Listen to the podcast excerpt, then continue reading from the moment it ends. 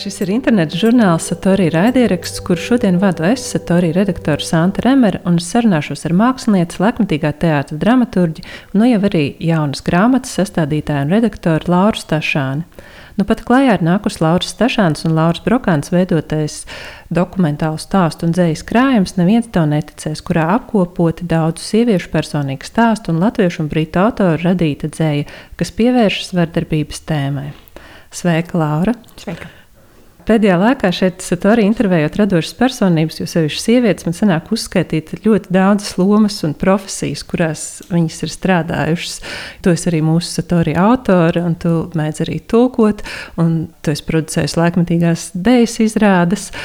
Kā tu šobrīd teiktu, kas ir tava loma mākslā un kultūrā, vai ar ko tu galvenokārt nodarbojies? Es nezinu, man liekas, tas ir vienmēr saistīts ar kaut kādu procesu iekustināšanu. Un tiešām ilgus gadus es esmu strādājis kā producente, bet tas vienmēr ir bijis caur to, ka es ģenerēju idejas daudziem projektiem, ja sākus šīs idejas un tad aicināju cilvēkus viņas realizēt. Tagad es nonāku līdz tam punktam, beidzot, kad es esmu gatava pati tās idejas realizēt. Un tas varbūt ir viss kaut kādā ziņā par vienu, bet tikai dažādos formātos kuriem visiem tiem darbiem, ko es daru, vajag vienmēr atrast nosaukumus, un tas ir sarežģīti. Satori žurnālā, man liekas, tas eh, raksturojums ir šāds. Man aizvien vairāk rūp ne tikai tas, kāda māksla top, bet kā tā top, kam tiek dots vārds un kam netiek. Šobrīd praktizēju dramaturģiju tās plašākā nozīmē. Tas man likās arī intriģējoši, kas ir dramaturģijas plašākā nozīme. Uh, Nu, tā, to es saprotu tā, ka tas nav saistīts ar tekstu radīšanu obligāti. Un es parasti arī ne, neradu dramaturgiskus tekstus. Tas ir vairāk jā, saistīts ar to, kā kaut kādā veidā sakārtot telpu, vai, vai domas, vai izrādi, vai jebko faktiski. Tikpat labi, ja runā piemēram, kādā festivāla kategorijā, var runāt par festivāla kuratoru, bet tas jau ir, manuprāt, arī dramaturga darbs. Nu, tas droši vien atkarīgs no tā, kurš definē to e, nosaukumu dramaturgs, bet man tas ir saistīts arī ar e, daudziem. Es negribētu teikt, ikdienas procesiem, bet drīzāk jau jā, profesionāliem mākslas procesiem, kur es redzu, ka es domāju ar kaut kādu dramaturgisku pieejamību. Es mēģinu uzreiz kontekstualizēt visu, jo vienkārši tā strādā mana galva.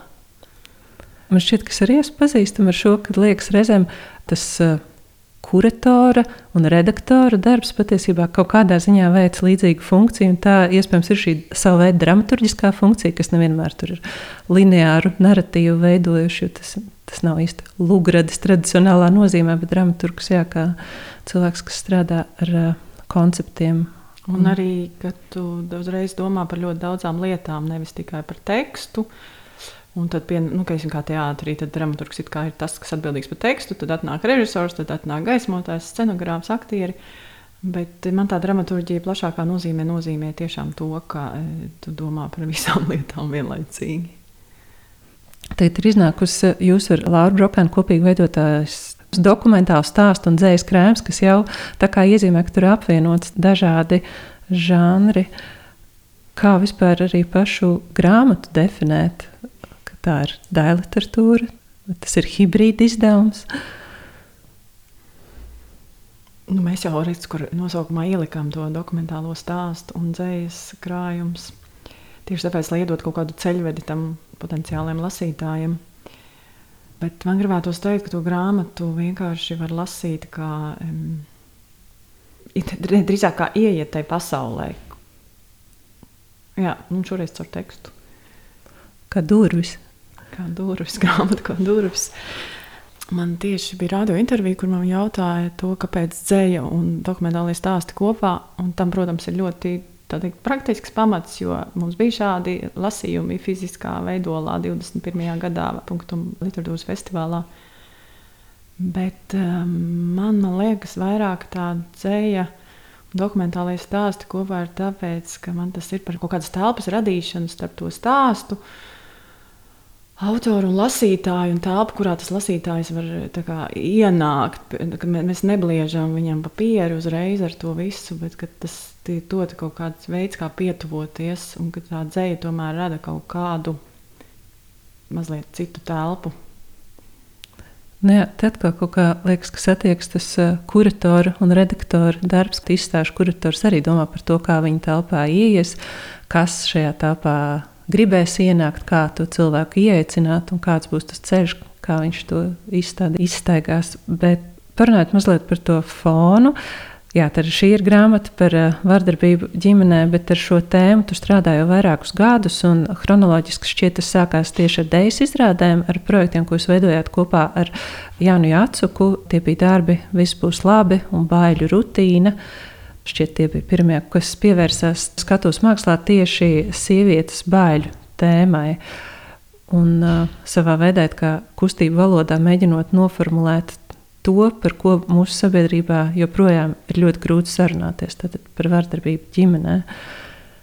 Kad tas sākās, cik sēni ir šie darbi un kā vispār, kā jūs uzdrošinājāties spērt šos pirmos soļus, kas jūs pamudināja toreiz vēl duetā ar Jānu? Man liekas, ka tas bija 2019. gads. Es ar Jānu strādāju, tā var teikt, kā dramaturģe. Un patiesībā tā pirmā izrāde, ko tu minēji, kas bija tāds mazformāts, Jānis Solo, kur tas bija viens no darbiņiem tādā īpašā projektā, kas bija jau no choreogrāfa pirmie skatuves darbi. Tas bija galīgi neapzināti, neapzināti par vardarbību veidots darbs, un Jānis pat arī to neapzinājās. Viņa vienkārši runāja par savu pieredzi ģimenei Un viņa pilnīgi noteikti tajā laikā vēl nedomāja, ka es tagad runāšu par vardarbību. Un tad bija nākamais darbs, kur Jānis jau man uzaicināja kā dramaturgi konkrētā lomā. Un viņai bija idejas runāt, izrādē par bailēm, bet tas um, bija ļoti abstraktas. Visāda veida, un tur figurēja kaut kādi citi cilvēki. Un bija procesā tāds brīdis, ka nu, kaut kas mums tur galīgi negāja uz priekšu, un neko nevarēja no tā nulles punkta izvirzīties. Un tad Jana man tiešām vienā naktī atsūtīja e-pastu, kur viņa teica, man liekas, ka man te kaut kas ir jāizstāsta, lai mēs vispār varētu tālāk kopā strādāt. Un viņa uzrakstīja savu bērnības pieredzi ar vardarbīgu tēvu. Un tajā brīdī, kad es to izlasīju, man bija skaidrs, ka tai ir jābūt izrādēji. Un ka mans uzdevums tajā mirklī ir panākt to, lai Jana grib to stāstu izstāstīt. Un kā to var panākt? Kā notiek vispār šis process, lai kāds izstāsta savu stāstu? Izskatās, ka viņai bija grūti pārkāpt arī šim pirmajam solim, tad naktī atsūta ēpastu. Kas, nu, tas, protams, kā... ir Jānis viedoklis būtu vissvarīgākais tagad, bet eh, no manas puses tas bija par klausīšanos. Es domāju, ka es varbūt biju tiešām, nu, varbūt ne gluži pirmais, bet tiešām viens no retajiem cilvēkiem viņas ceļā, kas bija gatavs klausīties to stāstu, kur viņa vēl līdz galam arī nesaprata, ka, nu, kur tur beidzās tēva mīlestība un kur sākās vardarbība. Un ka tas varbūt nebija labi, kas ir noticis. Un ka, ka ir svarīgi par to runāt, un kāpēc. Un es domāju, es viņai spēju iedot to, kāpēc par to ir svarīgi runāt. Un kāpēc par to ir svarīgi runāt? Tagad man ļoti daudz argumentu, kāpēc par to ir svarīgi runāt. Bet toreiz pilnīgi noteikti tas man vienkārši bija intuitīva sajūta, ka šis ir ļoti svarīgs stāsts, jo mēs tādus stāstus nedzirdam. Un es tajā brīdī pat vēl nezināju. Tiešām, jāsaka, biju tik nezinoša, ka es nezināju pat statistiku, cik daudzas sievietes tas skar. Un, uh, tas tiešām bija vairāk par to, ka mēs šādus stāstus nedzirdam bet viņi notiek. Un notiek un turklāt tas bija Janai bērnības stāsts, līdz ar to tur, tas man vēl likās vēl svarīgāk. Jo viņa to, kas ir noticis, sāk apzināties tikai nu, tādā pieaugušā vecumā. Nu jā, jo liekas, ka laikam šie stāsti nu, kaut kur, kaut vai mēdīņu tāpā, vai arī kaut kur literatūrā parādās, bet kaut kā ir tā, ka viņiem nav tāda turpinājuma. Mēs sašūtam, ir noticis kaut kas patiešām traģisks. Visi kolektīvi dodas, nezinu, ķemmēt mežus un meklēt šo pazudušo sievieti, kas kārtībā reizi ir cietusi no partneru vardarbības vai šo traģēdiju, kas ir notikusi teiksim, ģimenē dzīvojušu bērnu. Visi ir skumji, satriekti, bet tad atkal iestājas tāds klusums līdz nākamajam gadījumam. Tāpēc, ka tas tiek pasniegts ar to šoku, cik tas ir ārkārtēji. Tas ir tāds šoks, ka tas ir noticis. Tieši tas, ko es sapratu, strādājot jau ar Janu, ka tas notiek ikdienā. Tas notiek, kā Jana izrādē saka, parastā uh, Ziepniekalna dzīvoklītī. Un, uh, tas varbūt bija tas, kas uh, man, piemēram, bija liela atšķirība no las, lasīt par vardarbību uh, ģimenē, mediju ziņās, vai dzirdēt personisku stāstu, ka tu saproti, ka tur blakus ir bijusi normāla dzīve, brīnišķīgs bērns, vairāki bērni viņa bija ģimenē. Kā tas tiek normalizēts? Tas tiek izdzēsts no tās ikdienas. Ir viss cits lietas, bet ne tas, lai gan tas tam ir tik milzīga nozīme. Gan, nu jā, jebkurā veidā, nu, protams, arī uz, uz to bērnu psihiku. Jā, jo arī liekas, ka mēdīņu vidē šķiet, mēs joprojām neprotam īsti par to runāt. Tas ir vienmēr tāds iemesls sensācijai, no kā arī izcept šo gandrīz romāna vai filmas cienīgo sižetu, to aprakstīt, iegūt tos lasītājus, bet patiesībā ko mēs no šīs informācijas, izņemot sašutumu, tā kā īsti arī iegūstam. Ne, tur, man liekas, ir jautājums par kaut kādu līdzpārdzīvojumu, vai tu to redzi kā kaut kādu atsvešinātu fenomenu, oh, kaut kas tāds notiek pasaulē. Nu, citreiz ar filmām ir tā, ka, lai gan man ārkārtīgi patīk iet uz kino, bet ar citreiz ar filmām ir tā, tu noskaties, un tas ir bijis kaut kādā, tu ej kaut kādā svešā, nu, citā pasaulē, un tur tas notiek. Un tad atgriezies savā dzīvē, vai ne? Jā, es arī tieši domāju par to, ka kādreiz filmās tik šausmīgi var teiksim, raudāt par to, kā iet nabaga bērnam. Un patiesībā tajā brīdī es aizmirsu, ka tu pats esi nabaga bērns. Tam bērnam Amerikā noteikti tur ir sliktāk un grūtāk. Un Jā, un tas ir kaut kas baigi interesants par to, kā tās emocijas iet līdzi kaut kādam stāstam mākslā. Un, vienkārši arī saprast to mehānismu. Un, man liekas, tas bija, bija viena lieta, par ko mēs ļoti domājām, veidojot lietas, ko pierādīja muzeju, kā panākt to, ka tās emocijas ir ļoti realistiskas. Tā ziņā, ka tie cilvēki, kas atnāk uz izstādi, saprot, ka tas ir, tas ir kaut kas, kas notiek šobrīd, tagad ar konkrētiem cilvēkiem. Pat, mēs viņus nezinām, bet tas nav nekas tāds, ko, ko es paskatos no malas. Lietas, ko pierādīja muzejs, tad ir tā, tā nākamā kārta Jā. šajā visā projekta tapšanas vēsturē. Tad vispirms bija idejas, izrādes skatuves darbi, un tad tu veidoji šo jauno mākslas projektu, kas bija izstāde, arī interneta platforma, arī balstīta dokumentālos stāstos, un ko sauc lietas, ko pierādījumu muzejs. Kā īsti arī tā iecerē sākās. Tu vari vairāk arī to tas darbu paraksturot. Tas bija tā kā sajūtām nepieciešams turpinājums pēc tam, kad mēs ar Jānu pabeidzām darbu pie izrādes baiļu rutīna. Un tas varbūt bija tiešām pirmais mirklis, kad es uh, izlasīju to statistiku, kāda ir Latvijā un arī faktiski Eiropas Savienībā. Viņi diezko neatšķiras. Par to, ka katra trešā sieviete dzīves laikā piedzīvo vardarbību, un tā ir vai nu ģimenē, vai nu no intīmā partnera. Un man tajā brīdī vienkārši likās, kā arī es eju pa ielu, un katra trešā, kas man nāk pretī, potenciāli ir pazīstama ar šo. Un tas tiešām likās, kā var būt, tik daudz sāpju un tik, maz, un tik daudz klusuma, tik maz par to tiek runāts. Un tad um, atkal jāsaka, man vienkārši bija jāatrod veids, kā mēs varētu runāt par daudzām. Tas nav tikai par Jānas stāstu, uh, Bet kā iedot balsi arī tām citām, kuras ir tikpat neredzamas un kuras nav skatuves mākslinieces un nevar dabūt sev pilnu skatītāju zāli, tur ielas teātrī, lai, lai kāds viņas klausītos. Tieši tāpēc labākais veids, kā mēs tajā brīdī jutām, kā mēs varam iekļaut tās daudzās balsis, bija izstādes formāts. Un, e, nebija tā, ka mēs no sākuma būtu zinājuši, ka lūk, mēs taisīsim izstādi. Mēs līdz tam nonācām, tāpēc, ka tas šķita labākais formāts. Lai gan tehniski mēs nevienu, ne, ne, nu jā, mēs ne, nemākam taisīt izstādes, jo mēs neesam vizuālās mākslinieces. Bet mums bija tāda motivācija to darīt, ka mums vispār nebija šaubu. Tad jūs radījāt telpu, kurā bija izstādīti šie objekti. Kā īsti tas notika? Kāda tur bija atsaucība un kā jūs tikāt pie šiem priekšmetiem, kas bija izstādīti telpā? Tur ļoti daudzslāņains tas process, bet eh, tas, kas man liekas, ir svarīgi, ir svarīgi pateikt, ka Mēs tiešām vienkārši publiski sociālajos mēdījos, man liekas, ielikām aicinājumu atsaukties sievietēm, kas būtu gatavas kopā ar mums strādāt ar šādu projektu. Un dažas mums atsaucās, un tad mēs, viņām, mēs ar tādu nelielu grupiņu, atceros, bija kaut kāds dzīvoklis, ne istaba, kaut kādā īres dzīvoklī, ko mēs tur dabūjām pa brīvu, un tur mēs ar viņām tikāmies tādā ma mazmazītiņā istabiņā. Un tad, kad jau mēs bijām diezgan ar viņām runājuši, mēs bijām atklāti sakot, ka mēs nezinām, ko mēs ar to visu gribam darīt, bet mums gribas par to runāt. Un man jau no paša sākuma kaut kā ļoti aizkustināja tā viņa uzticēšanās, ka jā, vienkārši kaut ko darām, kaut kā ejam uz priekšu. Tas formāts par tiem priekšmetiem, kas būs um, faktiski pamats visam, ka mēs par vardarbību runājam caur ikdienas priekšmetiem, kas ir vardarbības liecinieki. Tas radās tiešām uzmanīgi klausoties, ko viņas stāsta.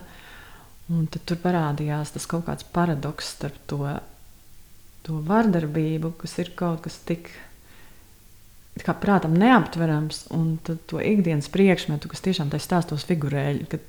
Vardarbības epizode sākās ar kaut kādu zeķu pāri, kurš tur nesakrita zeķes, vai dēļ šampūna pudeles, kas bija aizmirsta ceļojumā. Nu, nu vienkārši tas likās tik kā kaut kā negāja kopā. Tas, tas līdz ar to kļuva par tādu, tas kļuva par vietu, no kā atspērties. Un tad jau mēs mēģinājām vienkārši to kolekciju veidot lielāku, arī ar sociālajiem mēdījiem uzrunājot sievietes, sūtīt priekšmetu kopā ar stāstu. Un mēs nezinājām, vai būs atsaucība. Nu, galīgi nezinājām. Un mums bija liekas, arī tāds posms, ka mēs domājam, ka mēs pašas visu atradīsim internetā un arī starp, nu, starptautiskos fórumos, un tur vienalga kādā valodā rakstītos. Vienkārši izveidosim tā kā fiktīvi, kā ir lūk, šie stāsti, un tur mēs atradīsim arī priekšmetus, un tad nu, sakombinēsim tādu pusfiktīvu izstādi, lai gan pavisam nu, patiesos notikumos balstītu. Bet vienkārši strādājot, tu saproti, cik milzīga atšķirība starp to, vai tas ir pusfiktīvs vai tomēr īsts. Un iespējams, ka neviens cits nezina, cik tas priekšmets ir īsts, izņemot mūsu bet mums tas bija beigas svarīgi. Un tas, kā mēs strādājām ar to grupiņu, bija tā, ka viņas bija tās, kuras pirmās iegāja tajā dzīvoklī, kurā pēc tam bija izstāde un izlēma, kur tie priekšmeti būs. Tādā ziņā, ka mēs mēģinājām visu laiku viņas iesaistīt lēmumu pieņemšanā, lai viņas ir, tas darbs nav par viņām, bet ar viņām kopā taisīts. Tā, tur bija tik daudz tādu spēcīgu mirkli, ka viņas iegāja tajā dzīvoklī. Viņas momentā zināja, kur to priekšmetu nolikt. Tur nebija tāda svārstīšanās, varbūt, varbūt. Tur bija pilnīgi skaidrs. Man liekas, ka viņas tik ļoti kaut kā mūs iedvesmoja. Un tad, atkal, kad viņas nespēja, tad mēs viņas iedvesmojām, mēs tur tā stumām vienotru uz priekšu. Bet tas viss notika diezgan īsā laikā, un divos mēnešos mēs uztaisījām. Es atceros no šī projekta tieši tos publisko lasījumu daļu, kad bija 24 stundu šo stāstu lasījums. Un, uh, es klausījos tiešām daudzas stundas, un šie stāsti bieži vien arī atkārtojās. Tā kā jūs strādājat principā diezgan nelielu to upuru un cilvēku grupu. Bet tajā, ka viņas lasīja cita, citas stāstu, un tu to stāstu dzirdēji atkal un atkal, likās ar katru atkārtojumu reizi, tas kā kļūst īstāks.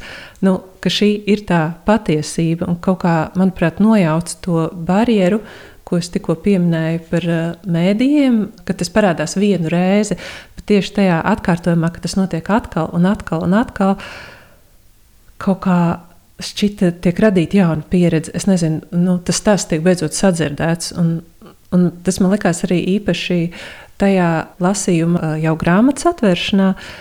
Ka atkal jūs rīkojāt šos performatīvos lasījumus, ka tas nebija, nu, mēs jums pastāstīsim dažus stāstīņus, bet ka atkal kopā sapulcēs daudz cilvēku un kopā cits citam stāsta vēlreiz un vēlreiz tos pašus stāstus, viņi jau tik ļoti arī tie stāstīs man neatšķiras, lai gan tas katrs ir individuāls un ar savu niansi. Man šķiet, ka tur kā parādās kaut kāda tā maģija, kad savienojas jā, tas dokumentālais īstums, atkārtojums, kas iedod arī vietu personīgām asociācijām, tev kā klausītājam, varbūt tikai ar piekto vai desmito reizi patiesībā to atļaujies sev atzīt īstenībā, jo man arī tā ir noticis. Īsumā arī mans stāsts, kas likās tā jau laikam nav vardarbība, vai es jau tā neesmu darījis, tu sadzirdi, ka īsumā es esmu bijis gan tajā, gan reizēm arī otrā, arī tajā vardarbības lomā. Kādas bija teksim, reakcijas pēc tam, pēc šī notikuma? Kāds bija viņam? Es tam pastāstīšu, kādas bija notikuma laikā reakcijas. Jo viena lieta ir skatītāja reakcijas, otra ir tās lasītājas, kuru vidū bija gan sievietes, kas ir cietušas no vardarbības, tādas, kuras stāsti bija muzejā. Kolekcijā, un arī viņu mammas, māsas, atbalstītājas, draudzenes. Vienkārši mums arī no mūsu loka bija sievietes, kas bija vienkārši gribēja lasīt. Uh, uzzinot, ka mēs kaut ko tādu darīsim. Un mums bija tāds nosacījums, ka viņām, tām, kurām ir tā, tas viņas stāsts tajos lasījumos, viņām nav jālasa savs stāsts. Ja tu negribi, tu lasi vienalga, ko tu gribi. Mums bija vesela tāda dramaturgija, to uztaisīta, kā mēs kā iedavām viņām brīvību vienmēr izvēlēties, viņas pašas var izvēlēties, ko viņas lasa. Un tas ir cits princips, ko mēs visos lasījumos esam paturējuši. Un, uh, Un tad bija tā, ka lielākoties viņas negribēja savu stāstu lasīt, un pat bija tā, ka tur viena otra skrēja un slēpās toaletē, jo lasījuma arī notika tajā dzīvoklī. Tur slēpās toaletē, lai vispār nedzirdētu to arī vispār to savu stāstu skaļi. Un tad kā, mums bija tāds tā maiņas saliktas, kad bija lasītājs, kas atgriezās pēc vairākām stundām, jo mums tās 24 stundas bija jānoklāj. Tad es skatos, ka jau pēc pāris stundām viņam nu, stāv un klausās to savu stāstu, neģīpst konkrēti par vienu es atceros, un tad viņa atkal kaut kādā trešajā reizē, kad viņa atnāca, viņa aiziet un nolasa to savu stāstu. Man tas bija tāds, nu, to 24 stundu laikā vienkārši tāds ceļš noiets tam cilvēkam. Tur vēl ir papildus tā lieta, ko tas izdara, ko tā skaļā lasīšana un tā vārdu izskanēšana izdara ar tiem, kam tā, kuru stāsti tur ir. Tiksim, no klausītāja puses arī bija kaut kāda komentāri, vai bija cilvēki, kas bija sašutuši, vai ka, kaut kādas. Man bija viena tāda, atceros, pieredze, ka mums ienāca tajā dzīvoklī, un tur, tur bija kaut kāda puskavida laiki, ka mums bija jāregulē cilvēku plūsma un drīkstēja tikai un tik un tik ienākt. Un naktī mums bija jāslēdz, jo naktī Covid bija aktīvāks. Ienāca viens vīrietis, pusmūža, tāds paliels un drausmīgi bravūrīgi. Tur tā, nu, kur tad kur tad tā lasījuma, kur tas, kas tas vispār jums notiek? Kaut kāds viss tāds maziņš un neveikls.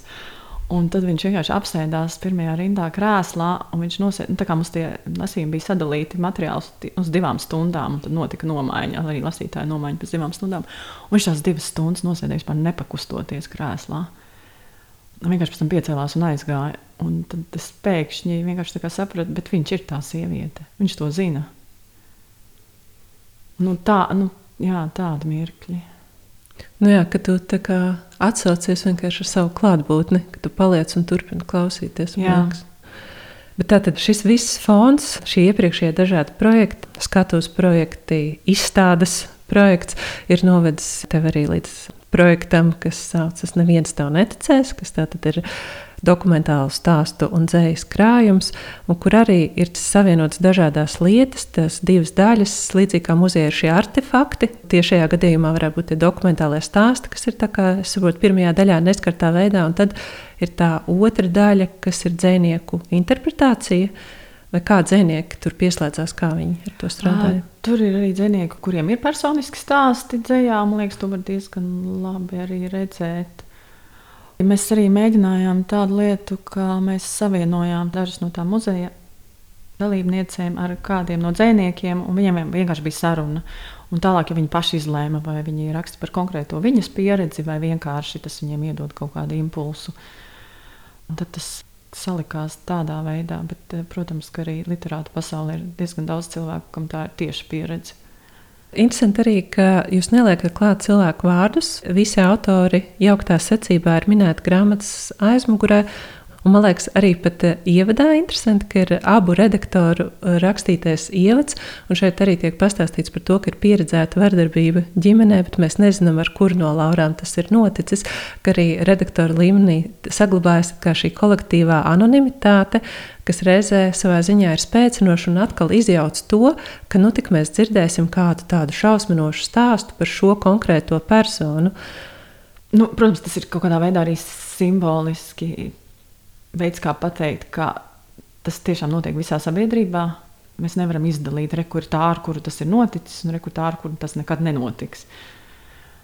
Tur bija arī praktisks iemesls tam visam, jo mums ir jāpasargā tās autoris, kurām ir ļoti personiska pieredze un kuras varmāk, tā teikt, vēl aizvien ir kaut kur viņu dzīvēs vai perifērijā. Tas bija arī veids, kā radīt viņām drošu telpu, kā ielikt starp daudzām uh, un neizcelt, ka lūk, tas ir tavs stāsts. Un, man liekas, tas arī psiholoģiski tīri kaut ko nozīmē, ka tu esi. Jūs esat daudzas. Ka tu neesi. Tas arī viens no, viens no nu, saukļiem vai jā, teikumiem, ko mēs izmantojām par to, ka tu neesi viena. Ļoti daudz zina to tavu stāstu. Respektīvi, savā veidā, bet viņa zina, par ko tu runā. Jā, mēs ar Lauru arī izlēmām rakstīt. Mēs kaut kā arī, man liekas, patiesībā organiski līdz tam nonācām, jo mēs nerakstījām kopā, bet katra rakstījām no sevis. Un tad mēs vienā brīdī sapratām, nē, bet tas es, lai viņš paliek es, tā kā nav skaidrs, kur, kurš es. Jo, kā jau es teicu, tas, um, jā, tas nav tā, ka tas notiek ar konkrētu tipu sievietēm vai ar citām nenotiek. Tas ir visur. Citi saka, ka tur saglabājās tas es, un uzreiz ir jādomā par mirkļu birku, mītū, ka tur arī ir šis dalītais es, un kas, teiksim, daudz kur pasaulē izgāja šī akcija un uh, ir pazīstams, bet Latvijā man šķiet īsti arī nav noticis. Un patiesībā jūsu projekts kaut kādā savā veidā vai formā ar šo dalīto es, kā arī pilda to es arī funkciju. Tikai jau ar citu valstu pieredzi un kaut kā citādāk. Jā, es domāju, visnotaļ, protams, tā ir savā ziņā. Ir tā pati diskusija, lai gan, protams, es arī biju par, nebija par ģimenes vardarbību, bet par um, tīri profesionālās attiecībās, kur jau ir vara, nu, varmākas rokās ir arī tā cita veida vara. Bet tas ir ļoti tuvu viens otram. Jā, bet šo ir kaut kā liekas, vēl grūtāk aprakstīt. Es tieši par to domāju, lasot grāmatas tieši otru daļu, ne tikai dokumentālos stāstus, bet tas, ka tajā dzējā tiek uzbūrta sāpīgas ainas, kur ir ļoti liela neskaidrība, kas īsti notiek, bet tev no tā teksta rodas vardarbības sajūta. Tā kā atpazīstams ķermeniskā līmenī tās bailes, kaut kas, kaut kas aizdomīgs. Un man šķiet, tas ļoti precīzi varētu raksturot tieši to bērnu sajūtu, ka tu saņem vardarbību no tuvākajiem cilvēkiem, no kuriem tu patiesībā mācies, no kuriem tu esi atkarīgs, kuri nosaka tavas vērtības, un tev pat nav racionāla argumenta izvērtēt. Vai tas, kas ar tevi notiek, ir labi vai slikti, viss, kas ir, ir tikai šī iekšējā intuitīvā sajūta, es jūtos slikti. Tāpēc man šķiet, ka dzēja kaut kā ļoti precīzi to iezīmē arī grāmatā. Tas ir kaut kāds tāds efektīvs veids, kā teicu, uz, uzbūvēt to telpu, kas šajā ziņā liekas, jau tā kā pilnīgi ir tas īstie stāsti, un tad ir tāda precīzi noskaņot arī tā sajūta. Daudz stāstu ir arī tieši par dzimšanu. Man tā šķiet, no stāsta dzējas par, par cilvēka ienākšanu šādā pasaulē. Uh, kas arī bija pārsteigums, tā spēja ienākt, nu, ka tu ienāc vardarbīgā pasaulē. Es laikam tik daudz tiem stāstiem un tik ilgi esmu strādājis, ka man nav, godīgi sakot, pat nejūt milzīgu atšķirību starp to, vai es lasu dzēju vai to, to dokumentālo stāstu. Jo man arī tie dokumentālie stāsti, kad viņi mums toreiz nāca uz lietas, ko pierādīja muzeja, man viņi pārsteidz ar to. Bet tas arī ir tāds, ap citu Latvijas iezīme, cik viņi bija poētiski, kā viņas nesaka nu, salīdzinot ar dzēju, viņas runā ļoti tieši, bet patiesībā tur ļoti daudzos stāstos viņas nerunā tieši. Tur paliek tāda kaut kāda, tur tev jāsaprot, kas tad īsti notika. Un es atceros, kad mēs bijām Polijā, tad gan tur tie stāsti pēkšņi bija detaļās, kur sita, kā sita. Nu, tā ka līdz, um, līdz um, jā, tādam aprakstam, ka tu vari jau, jau to bildi ieraudzīt. Jā, tas ir interesanti, ka tu tā saki. Jo patiesībā, domājot, mums taču ir diezgan daudz smagas literatūras, daļliteratūras arī Latvijā par smagām tēmām. Es teiksim, pievērsu uzmanību tam, kā tiek raksturots vai aprakstīts teiksim, nesālas romāns Sieviete dzinterā par trimdes traumām, par eh, bēgļu smago ikdienu, tādos vispārīgos vārdos, lai gan romāns ir par izvarošanu, par sievietes pieredzēm, par drausmīgām situācijām, kurās, kā viņa katra arī teikts, ka pašas eh, kara šausmas ir tikai traģēdijas sākums, ka bieži vien tas tajā sievietes pieredzē, kas nāk pēc kara, ienāk ilgstoša vardarbība un pēc tam dzīve ar šīm traumām. Un tas, ka tu patiesi izdzīvosi, tu turpini atļaut sev darīt pāri, jo tā realitāte ir tevi radījusi šādu. Un kad tu saki, jā, ka arī stāstus mēs pasniedzam caur puķiem, simboliski kaut kā ieskicēt. Mēs bieži vien, teiksim, pat arī rakstot vārdā vārdu izvarošanu, viņi joprojām pasvītro. Šis vārds ir kā svešvārds mūsu valodā.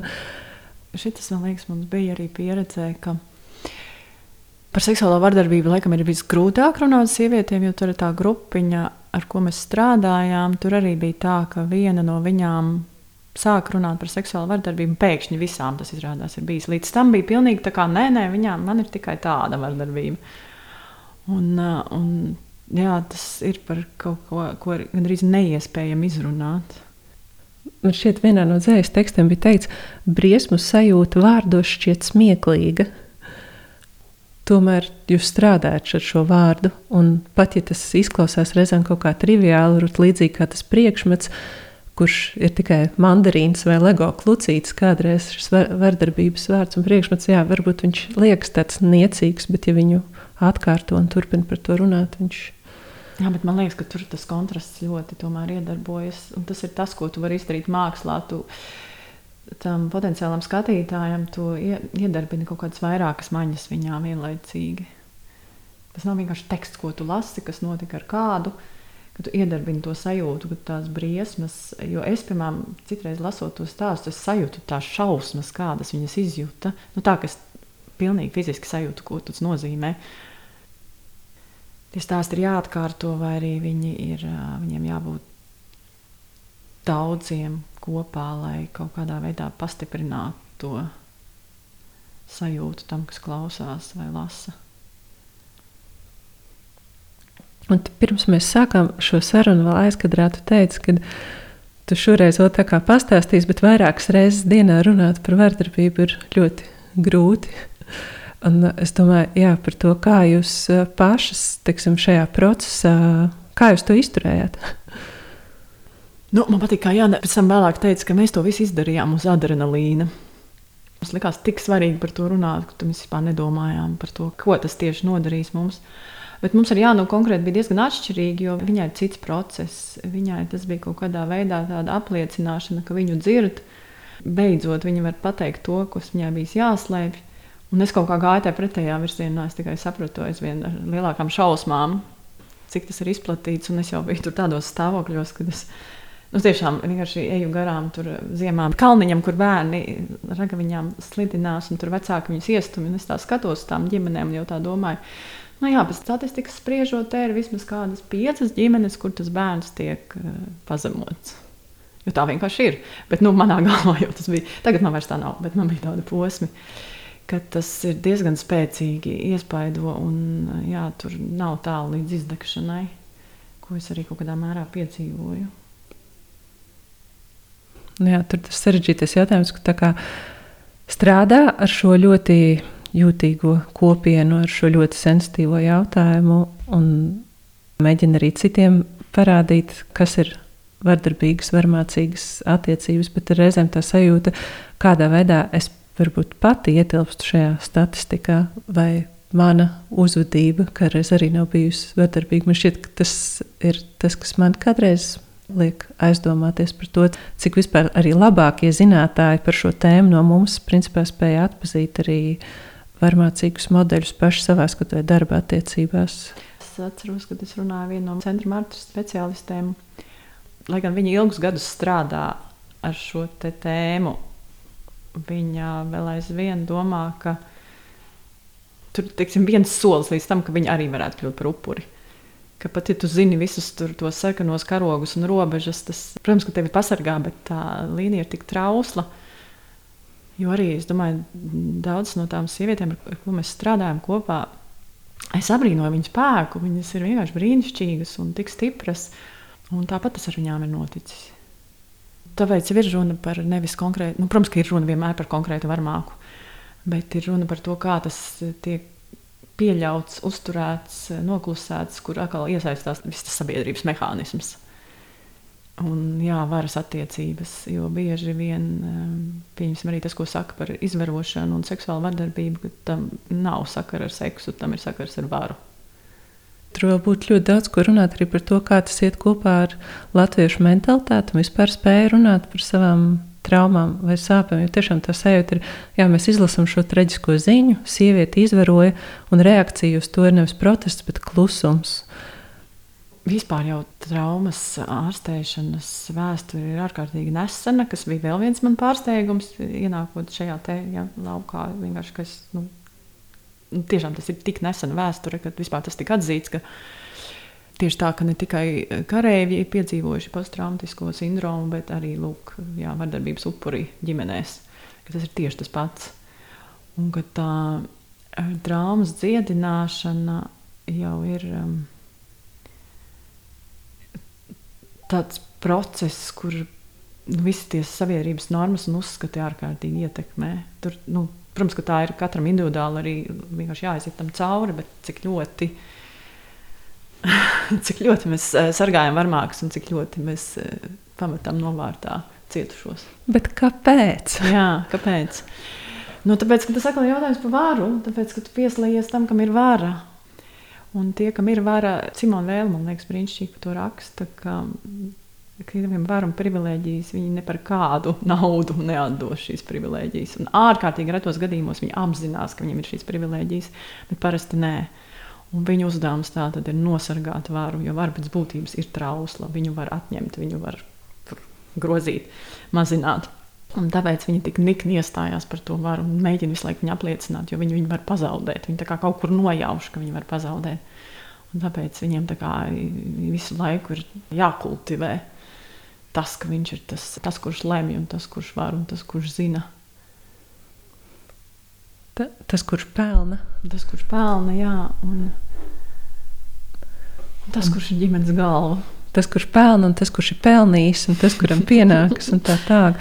Bet jā, liekas, ka šī ir vismaz viena no pirmajām, varbūt pat pirmā šāda veida efektīva grāmata, bet to grūti nosaukt par grāmatu, nezinu, notikums. Un neatliekama gan mūsu vietējās kultūras, gan arī mūsu sabiedrības labklājības ziņā, bet es saprotu, ka bija diezgan grūti arī nonākt pie šīs grāmatas izdošanas. Jā, bija garš ceļš valsts kultūra kapitāla fonds mums četras atteica finansējumu.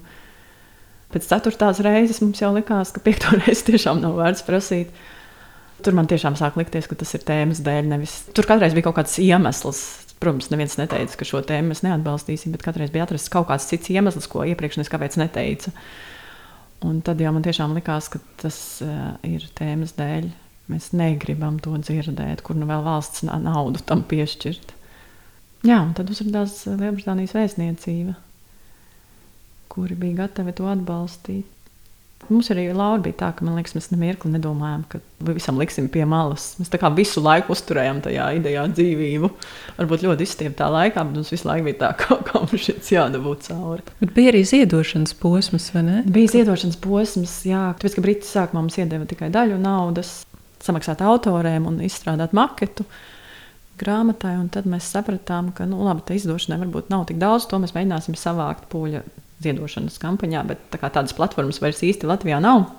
Tad mēs veidojām burtiski publisku. Mums bija akcija, kur mēs atkal izmantojam lasījumu formātu, bet savādāku, klusie lasījumi, kuri tiešām bija klusi, bez, kur tas teksts vienkārši parādījās. Tas teksts bija iestrādāts audeklā, kas apklāja galdu, un, ja tu uzliec plaukstu un sasildi to tekstu, tad viņš parādās nu, tā kā bez vārdiem, bet to ieraugt to tekstu. Tas mums bija vasarā, augustā, laukumā pie Latvijas Mākslas muzeja. Nu, pēc tam es sapratu, cik tas tomēr ir simboliski un spēcīgi, ka tajā brīdī mēs iedavām tās rūpes par to grāmatu citiem. Ka tas vairs nebija mēs un divas lauras plosās tur, bet citi cilvēki sāk par to domāt, un tas bija ļoti spēcinoši. Un tas viss cauri vienmēr tajā vardarbības projektā šādi ir bijis, es iepriekš minēju, ka tas ir bijis ļoti smagi ar to strādāt, bet visu laiku tu arī saņem pretī šo ļoti patiesu atbalstu. Un tie paldies, kas man ir teikti, es domāju, tie ir patiesākie paldies, ko es esmu saņēmusi. Bet vai ir sajūta, ka šī grupiņa ir kļuvusi mazliet lielāka, to cilvēku, kas interesējas par šo jautājumu? Es teiktu, pilnīgi noteikti, skatot no tiksim, 20. gada, 2020. gada, kad mēs to sākām. Man liekas, ka mēs esam vienīgās, kas par to runā. Un es atceros sarunu ar eh, centru Marta.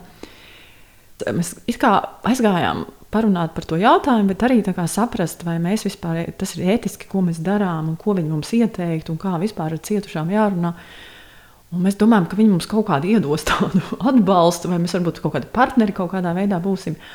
Un viņi vienkārši bija laimīgi, ka kāds par to runās. Viņi mums uzreiz deva svētību, dariet, kā gribiet, jums viss sanāks. Un tad es, jā, es sapratu, ka viņi vienkārši priecājas, ka ir ienācis vēl viens spēlētājs, kas ir gatavs par to runāt.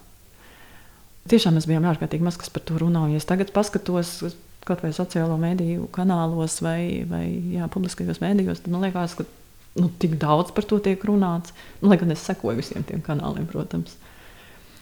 Tur tā starpība, man liekas, ir acīm redzama. Vai jums ir doma arī par kaut kādu turpinājumu? Es zinu, ka tas ir nērts jautājums. Tu domā ar grāmatas kontekstu? Es nezinu šī projekta, jo šis nekad nav īsti bijis arī laikam tikai grāmata. Tas ir bijis. Jā. Mākslas Nu, man, darbs. man, es pati sev pateicu vienā brīdī, ka šis man būs tas, ko sauc angļuiski par closure. Nu, es tā kā noslēgšu to vardarbības projektu posmu. Man uz kādu brīdi tas ir jānoliek malā. Man tas jautājums tāpat ir ļoti svarīgs. Bet man likās, ka man vajag iepauzēt sav- savas garīgās veselības dēļ. Bet um, tad um, man te pašā atklāšanā viens cilvēks pajautāja, tas lietas, ko pierādīja muzejs, kur uz viņu var aiziet, kur var apskatīties. Un tad es pēkšņi atcerējos, ka ai, mēs taču gribējām, lai tas muzejs ir pa īstam muzejs, kā fizisks, kur tu vari aiziet. Tad Rīgā viņš ir vienkārši viens no muzejiem. Tad varbūt tas ir muzejs, kas mums ir jāceļ. Nu, jā, un vienkārši. tad es atceros, ah, pareizi, tas vēl ir jāiztur, nevar nekādu noslēgumu taisīt. Um, jo, jā, nu, skats tas muzejs ir digitālajā telpā, bet uh, arī, man liekas, vēl aizvien tā. Rīgai būtu jauki, ka būtu tāds muzejs. Bet tā tad arī paliksim muzejam būt. Un man šķiet, jā, saruna ir labi iesākusies, vērtīgi iesākusies. Ir arī normāli, ja šajā brīdī jūs pasaudzējat sevi un tagad nododat arī šo sarunu citās rokās vai arī ceļot muzeju. Tātad šodien ar mani Satorija raidierakstā sarunājās mākslinieca un grāmatas Neviens tev neticēs, viena no veidotājām Laura Stašāne. Paldies! Atā.